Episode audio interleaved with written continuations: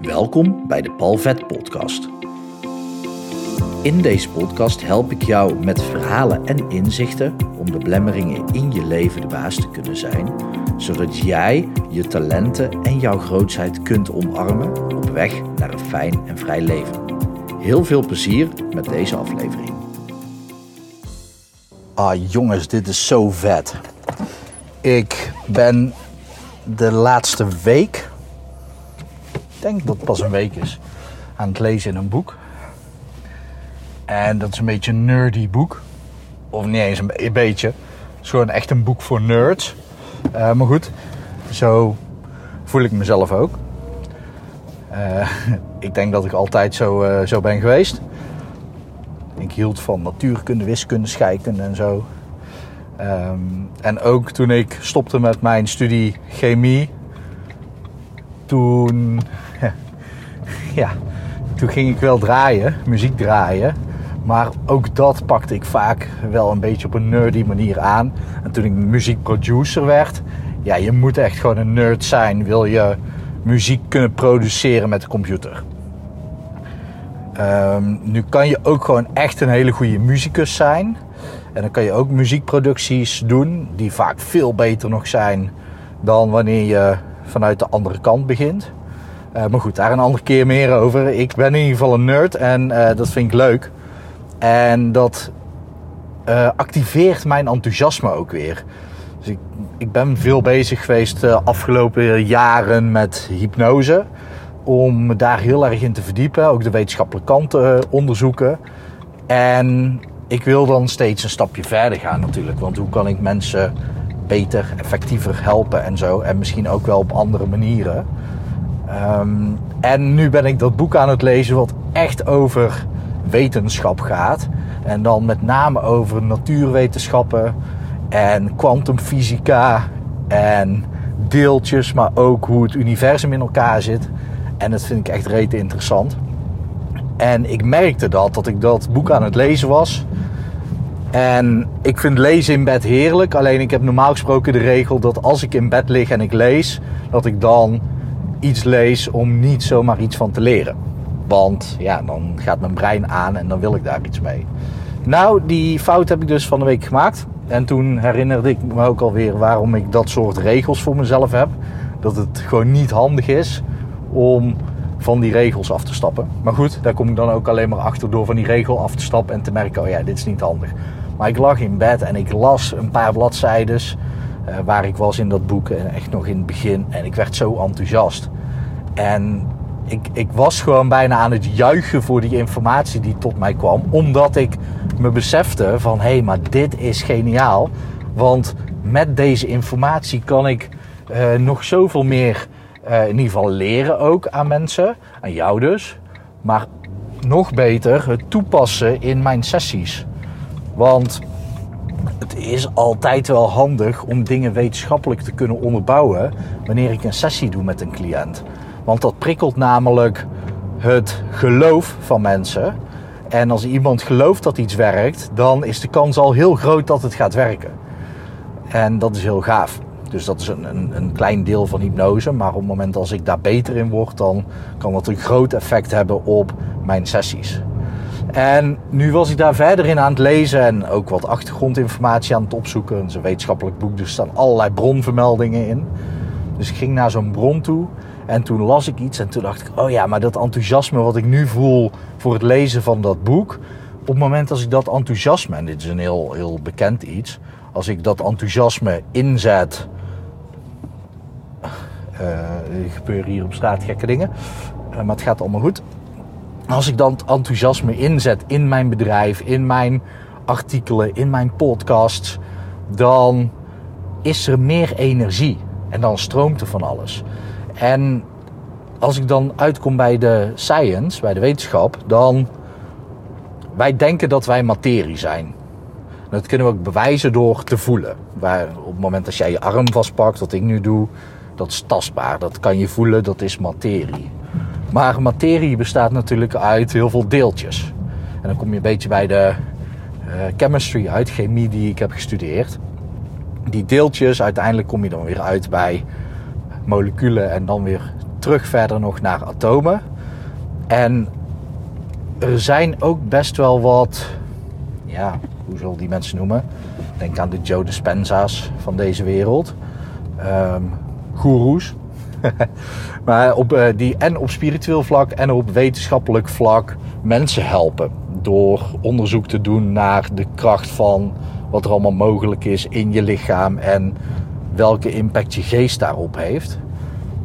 En wat er heel, veel, heel vaak wordt gezegd is, ja, zo'n atoom, daar heb je de kern en daaromheen de, de rand, die wordt bepaald door de orbit, de, ja, het Nederlandse woord. De aarde draait rondom de zon.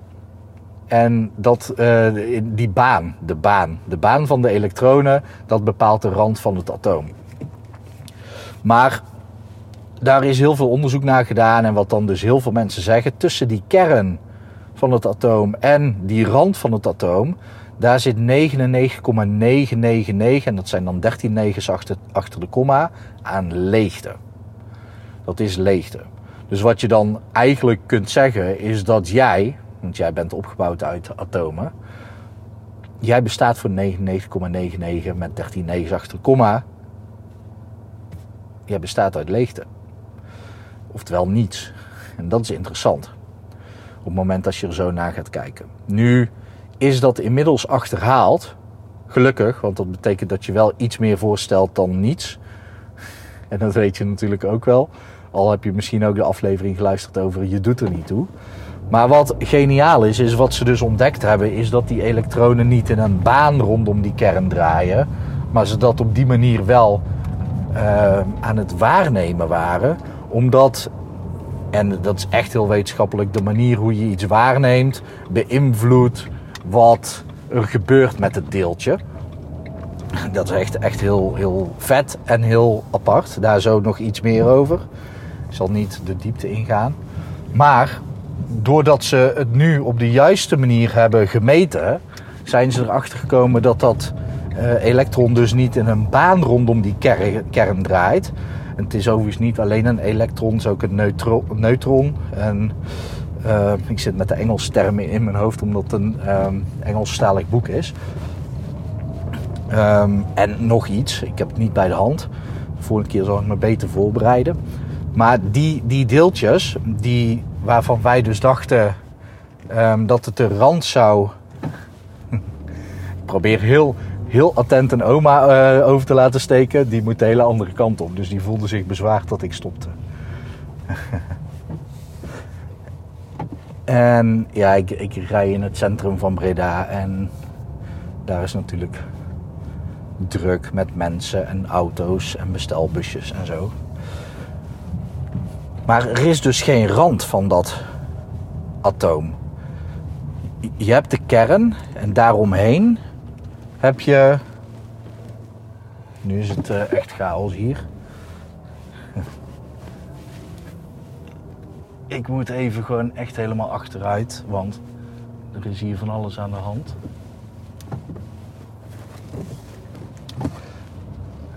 Waardoor auto's langs een eenrichtingsweg twee kanten op moeten kunnen rijden. En dan staat er ook nog een lieftallige dame die haar auto heeft geparkeerd daar waar het super onhandig is. Ja, dat is echt even het testen van mijn liefde, misschien wel. Leuke podcastaflevering van Edwin Slij daarover. Uh, spiritualiteit in Spijkerbroek. En volgens mij heet die: Je mag alles zijn wie je bent. Absoluut niet. Uh, daar wil ik ook nog wel een keertje over praten, want ik ben het volledig met hem eens. Terwijl hij geen. Uh, hij deelt niet echt een oordeel. Dus hij deelt geen mening, maar ik ben het wel eens met uh, wat hij verkondigt daarin. Dus dat is ook interessant. Um, ik laat me echt helemaal afleiden. Ik kan, ik kan hem ook beter pauzeren uh, net. Maar goed, ik moet nog zoveel van die dingen uploaden. Van die podcast dat ik dat lekker niet ga doen. Dus dan voelt het maar alsof je een beetje bij me bent die elektronen en neutronen en dat andere ding, die hebben dus geen rand. En wat er dan dus wel plaatsvindt, is dat die dus ook niet in een baan rondom de kern draaien. Nee, die zijn als, als ware in een soort wolk aanwezig. En dan kom je uit bij het onderzoek, wat je misschien wel kent. Dat onderzoek dat heeft kunnen meten dat een, een elektron, wat in zo'n atoom zit, op twee plaatsen tegelijk gemeten kan worden, of tenminste waargenomen kan worden. Hè? Dat is het dan, het is een waarneming daarvan. En op twee plaatsen betekent niet in het atoom ernaast, dat ook. Maar ze hebben dus ook gemeten dat daar zelfs wel 30 kilometer tussen kan zitten. Dus een atoom in jouw lichaam heeft elektronen.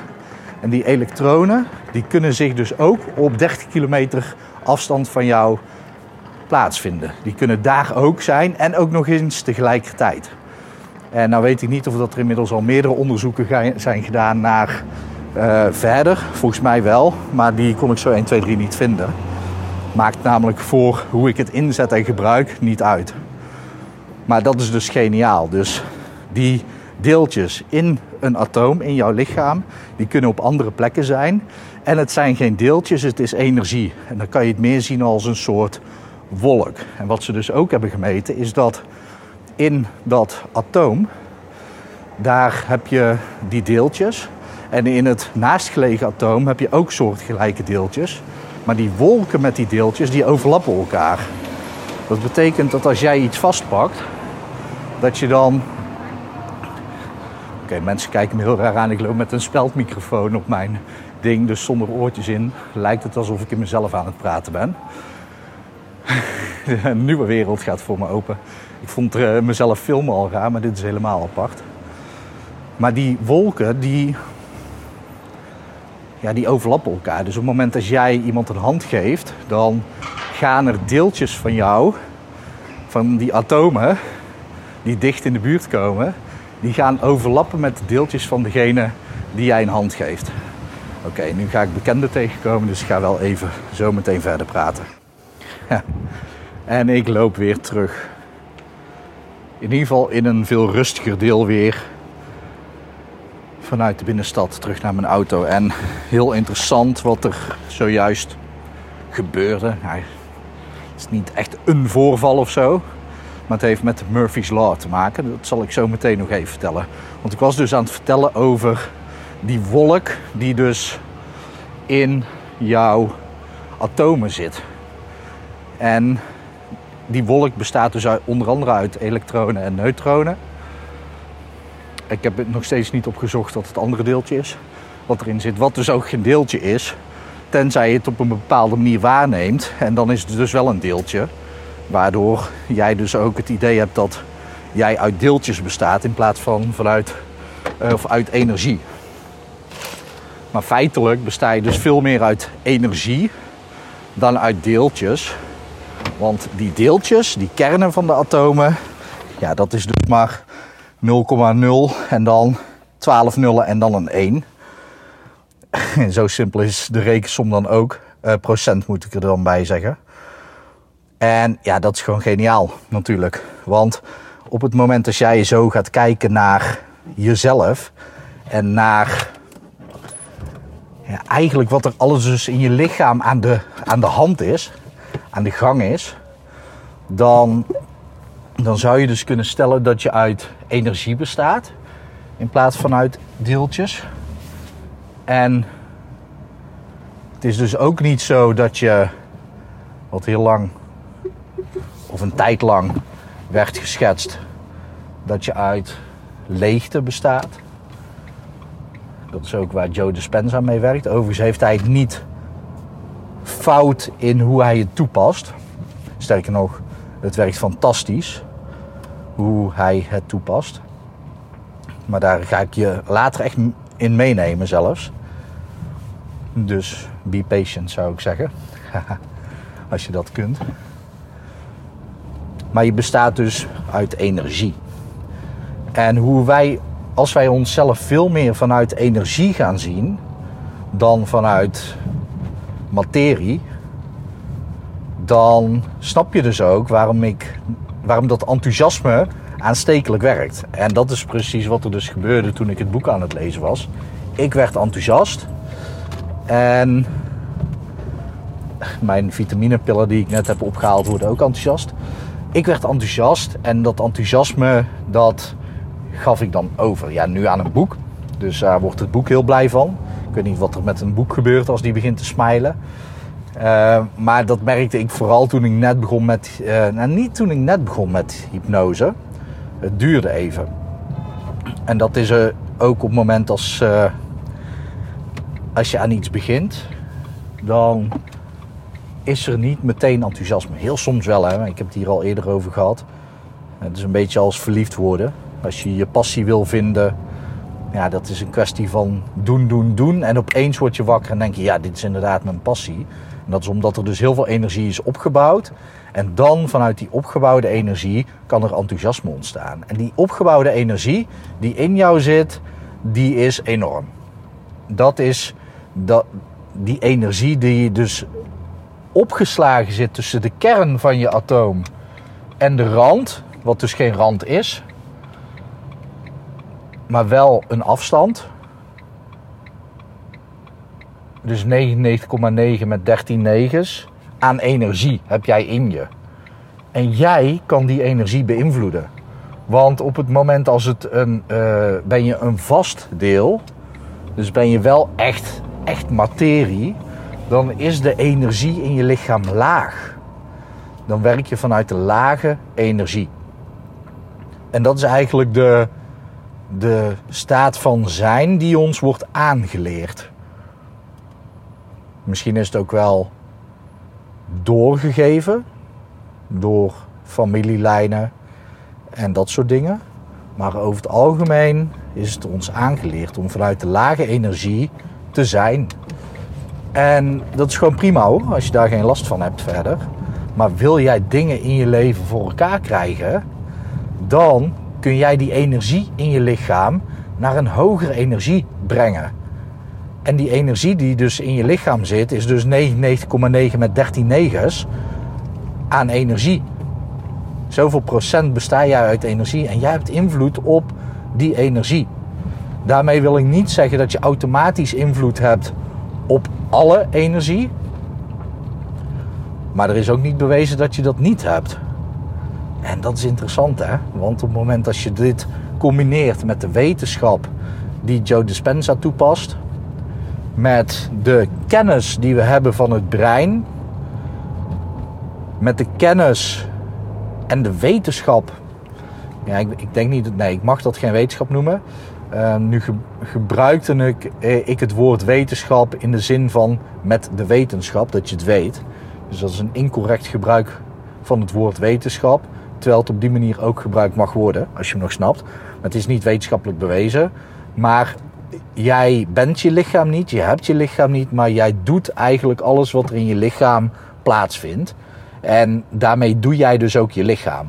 Want als je dus weet dat 99,9 met 13 negens energie is en jij hebt invloed op de energie in je lichaam, dan doe jij dus je lichaam. Want die kern van een atoom bepaalt niet de rand van jouw lichaam. En dat is echt mindblowing en gaat heel ver. En is heel vet. En is dus een uitdaging om daar iets mee te kunnen. En is, heeft ook een basis in de hypnotherapie. Want in de hypnotherapie leg ik ook altijd uit.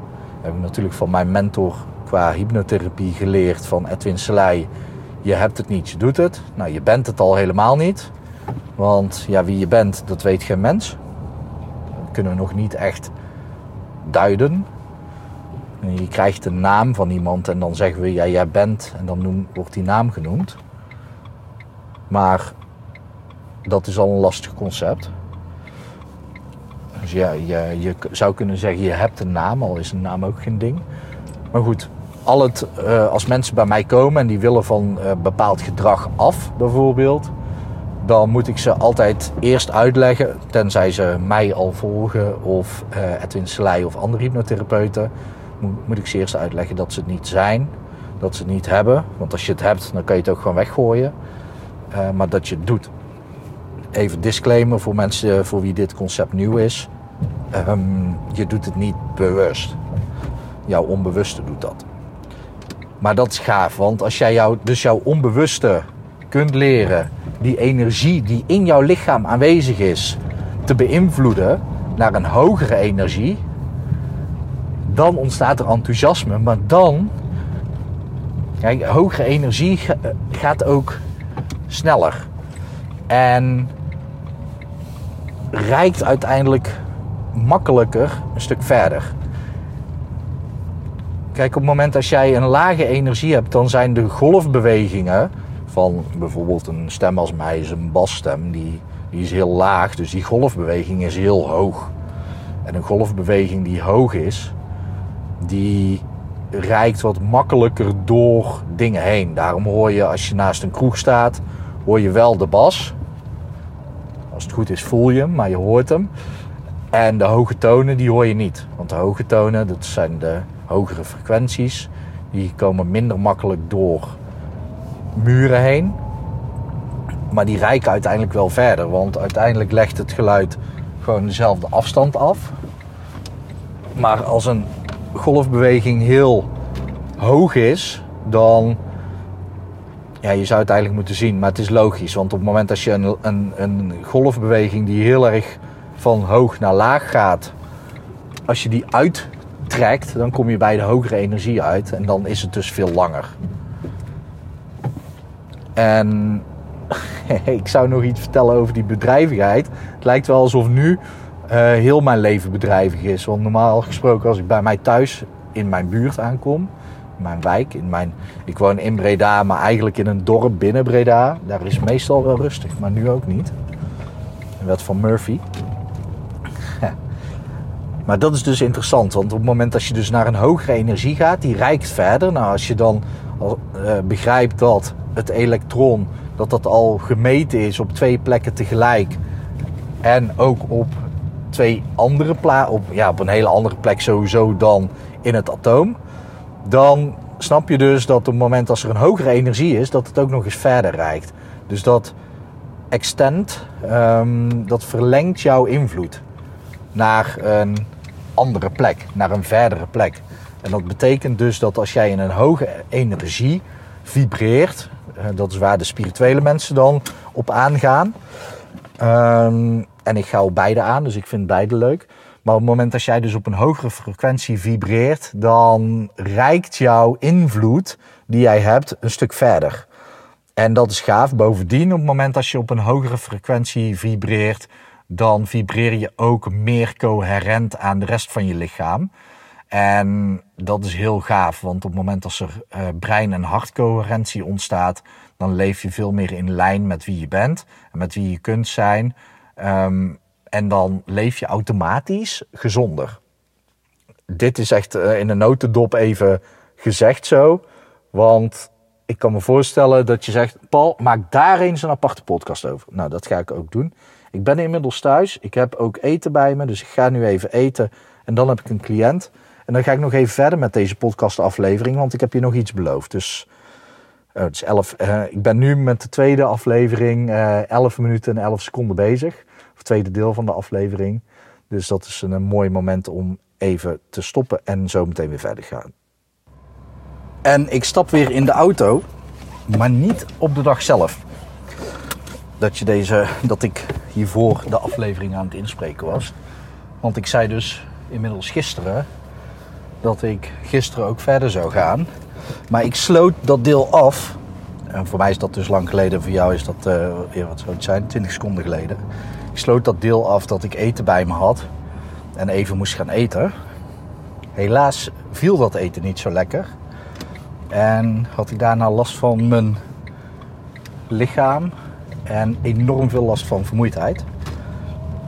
Dus ik moest even gaan liggen. En daarna had ik een uh, sessie en nog andere dingen te doen, intakegesprekken en dergelijke. Dus het was een beetje een gekke dag gisteren, waardoor ik er niet meer aan toe kwam. Dus ik heb net even snel proberen te luisteren waar ik het gisteren allemaal precies over heb gehad.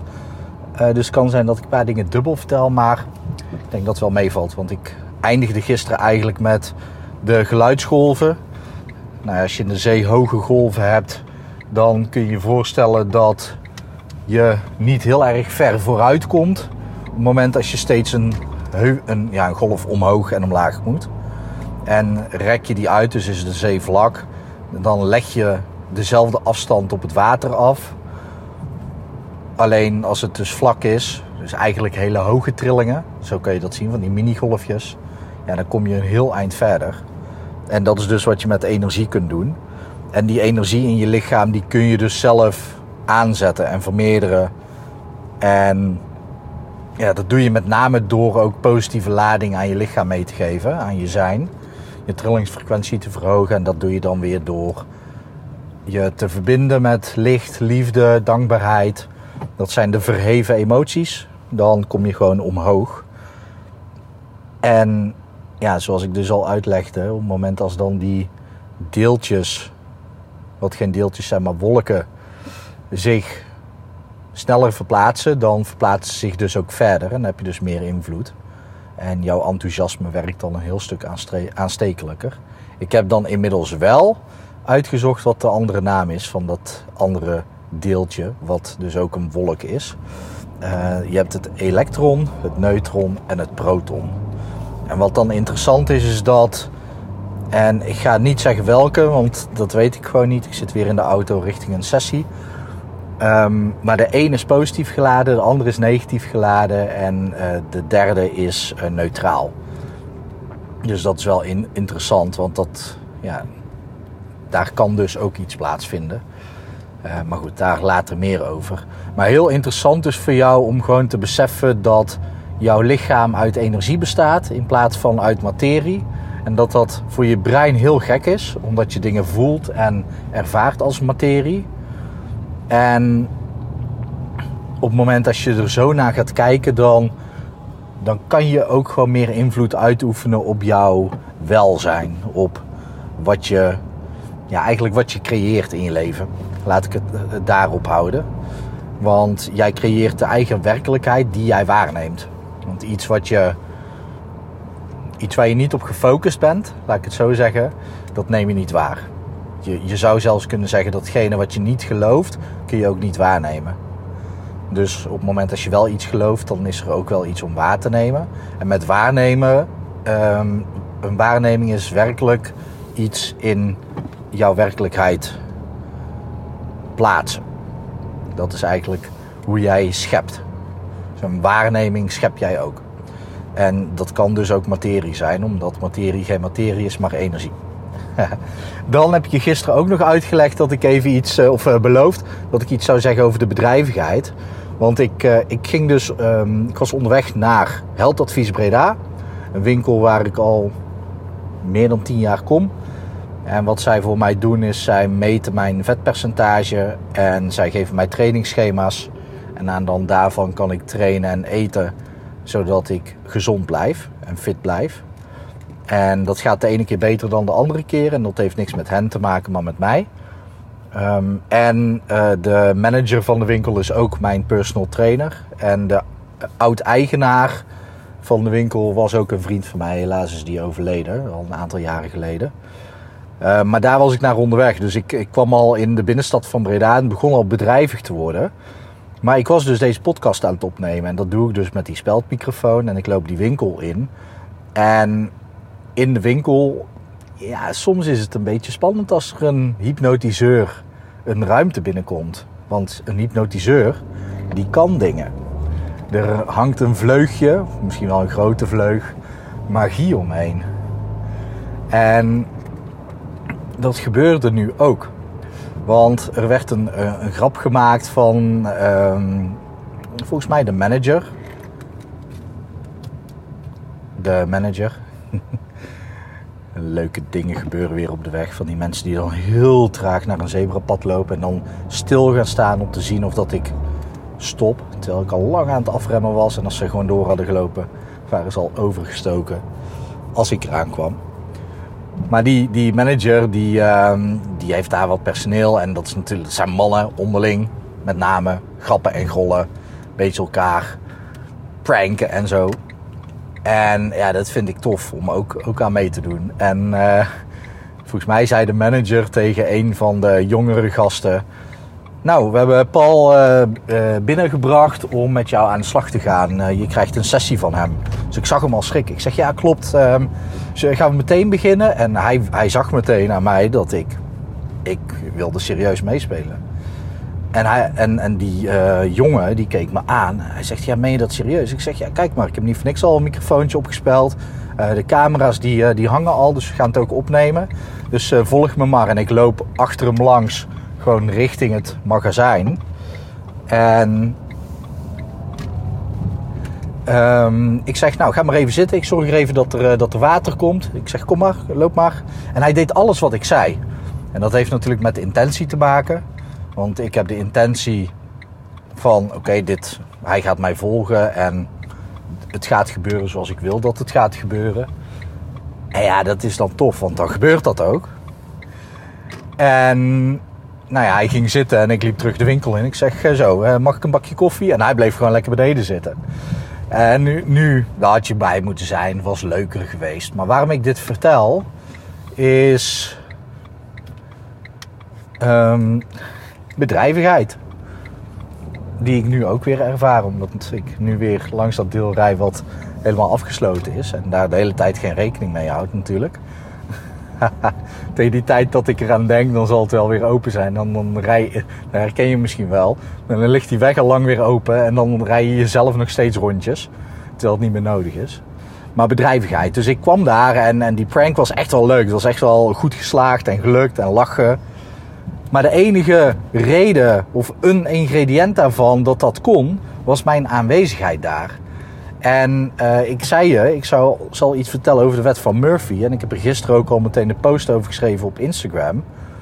Kijk, op het moment als ik geen bedrijvigheid opzoek, dan gaat het nooit lukken om zo'n prank te kunnen doen. Zou ik met de intentie gaan om zo'n prank te doen, dan zou het zomaar eens kunnen zijn dat dat zomaar niet gaat lukken. Want ja, dan, is het, dan ligt het te dik bovenop en dan is het allemaal geforceerd en zo. Maar nu lukte het wel. En er was dus een mogelijkheid dat het zou lukken. Toen ik naar de winkel liep en voordat ik dit wist, was er een mogelijkheid dat er geprankt zou kunnen worden. En die mogelijkheid kon alleen maar bestaan omdat ik daar naartoe liep. Dus daar kan je twee dingen uit leren. En dat heeft met de wet van Murphy te maken. De wet van Murphy betekent, in de wetenschap wordt die eigenlijk net anders toegepast. Uh, maar de wet van Murphy betekent alles wat kan gebeuren, gebeurt. Of gaat gebeuren. En je kent de uitspraak, ja de wet van Murphy is als er iets misgaat. En dat is ook oorspronkelijk hoe het werd toegepast in de wetenschap. Want in de wetenschap, als ze dan allerlei experimenten aan het uitvoeren zijn en zij dingen aan het doen, dan klopt het dat als, het, als de mogelijkheid er is dat het misgaat, dan gaat het een keer mis. En mensen gebruiken dan de wet van Murphy om te zeggen van, ah ja, dan gebeurt dat mij weer. Maar als er een mogelijkheid is dat het misgaat, dan gaat het mis. Maar dat geldt andersom dus ook. Als er een mogelijkheid is dat het goed gaat, dan gebeurt dat ook. Het wil niet zeggen dat dat dus altijd gebeurt. Je kan ook bijvoorbeeld duizend pogingen moeten doen om een gloeilamp te maken. Maar als de mogelijkheid er is dat het kan, dan gebeurt dat ook. En dat is vet. Aan de ene kant betekent dat dus, als je zeker weet dat iets kan, dat het mogelijk is, blijf, blijf proberen. Blijf ervoor gaan. Stop niet totdat het gelukt is. Want als jij weet het lukt zeker, dan gaat het ook een keer lukken. Die kans is 100%. Op het moment dat je het oneindig veel keren probeert, dan weet je zeker dat als de mogelijkheid er is dat het lukt, dat het ook daadwerkelijk gaat lukken. En dat is eigenlijk de wet van Murphy.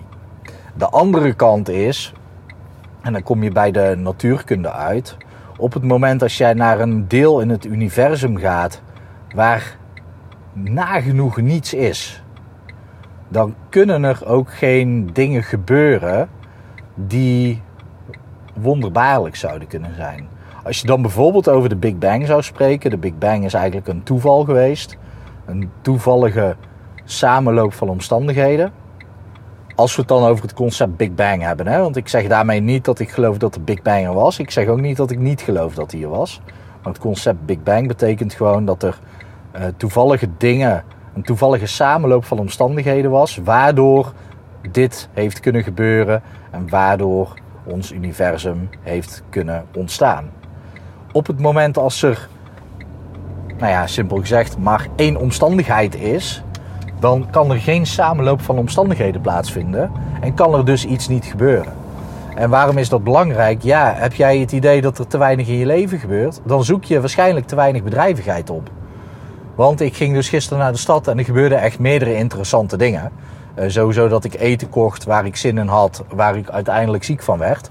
Uh, dat heeft overigens niks met het eten te maken, waarschijnlijk met mijn reactie op dat specifieke eten. Um, daarmee wil ik dus zeggen dat als iemand doorheeft waar ik was, het is een goede tent waar ik naartoe ging.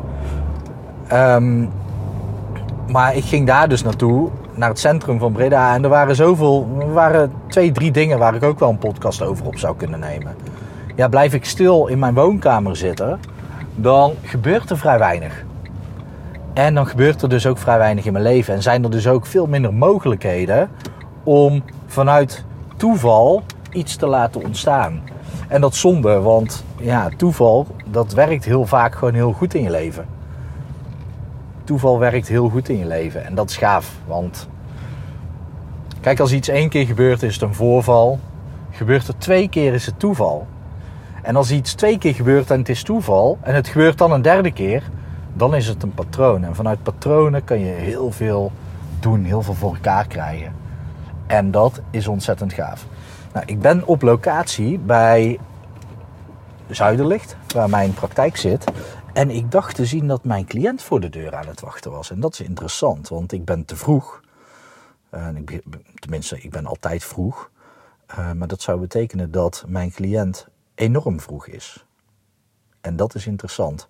Want ben jij iemand die veel te vroeg komt?